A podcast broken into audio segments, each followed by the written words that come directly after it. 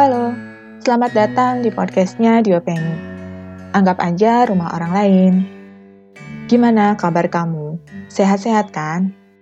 Saya masih tabah ngikutin tantangan 30 hari bersuara nih. Walau ya banyak ini dan itu. Memasuki hari ke-23 tantangan 30 hari bersuaranya The Podcasters Indonesia. Tema hari ini adalah penyesalan.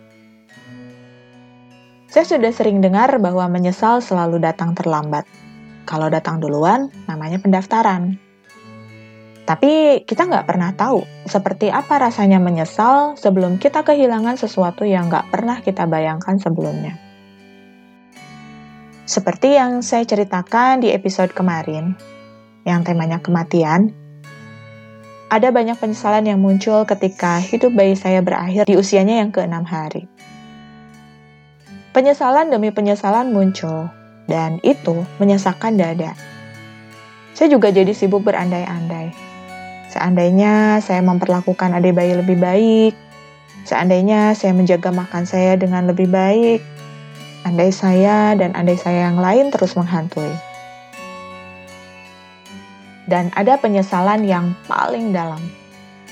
Seandainya saya nggak memilih konsultasi ke dokter yang itu, tentu ceritanya akan lain. Sebab human error yang dilakukannya dan sudah dia lakukan ke beberapa pasien lain sebelumnya. Adik bayi saya ikut jadi korban. Di masa-masa itu, saya sering ingin melampiaskan penyesalan saya dalam bentuk kemarahan pada suami saya. Yang saya nggak pernah pikirin adalah bahwa suami saya juga sebenarnya terluka. Hanya karena dia terlihat baik-baik saja, hanya karena saya dari luar terlihat hancur dan dia terlihat baik-baik saja dari luar. Bukan berarti bahwa dia baik-baik saja, kan? Teman saya yang lebih dulu mengalami kematian anaknya berbagi dengan saya. Dia bilang rumah tangganya nyaris hancur karena suaminya menguji kesabarannya setelah kehilangan anak mereka. Dia juga bilang bahwa suatu rumah tangga diuji keutuhannya saat ada kematian salah satu anggota keluarga. Mendengar itu, saya terkesiap. Saya nggak mau kelak menyesali apa yang akan terjadi nantinya kalau saya terus-menerus dirundung kesedihan dan numpahin penyesalan saya ke suami. Kan posisinya sama, sama-sama sedih. Saya nggak seharusnya bersikap buruk terus kan.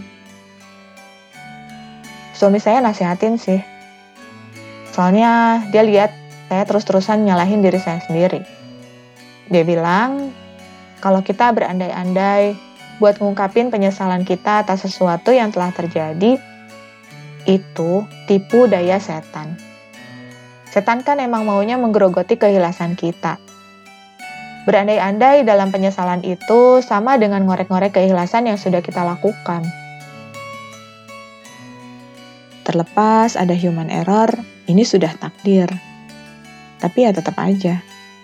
Kalau enggak, gara-gara urusan kesalahan manusia ini, mungkin saya lebih bisa nerima daripada menyesal. Tapi saya tahu, saya nggak bisa memutar balik waktu. Karena ini kehidupan nyata, bukan fantasi. Gak ada lagi yang bisa saya lakukan selain berhenti menyesal dan tetap jalani hidup. Fisiknya mungkin gak ada di sini. Tapi ada bayi tetap hidup di hati saya. Hiroki tetap hidup di hati saya. Oke, sekian dulu celotehan saya tentang penyesalan untuk ikut tantangan 30 hari bersuaranya The Podcasters Indonesia. Jangan lupa follow Instagram Diopeni dan juga thepodcasters.id. Makasih ya udah dengerin. Sampai ketemu lagi. Kamu harus terus sehat biar bisa dengerin saya ngoceh lagi.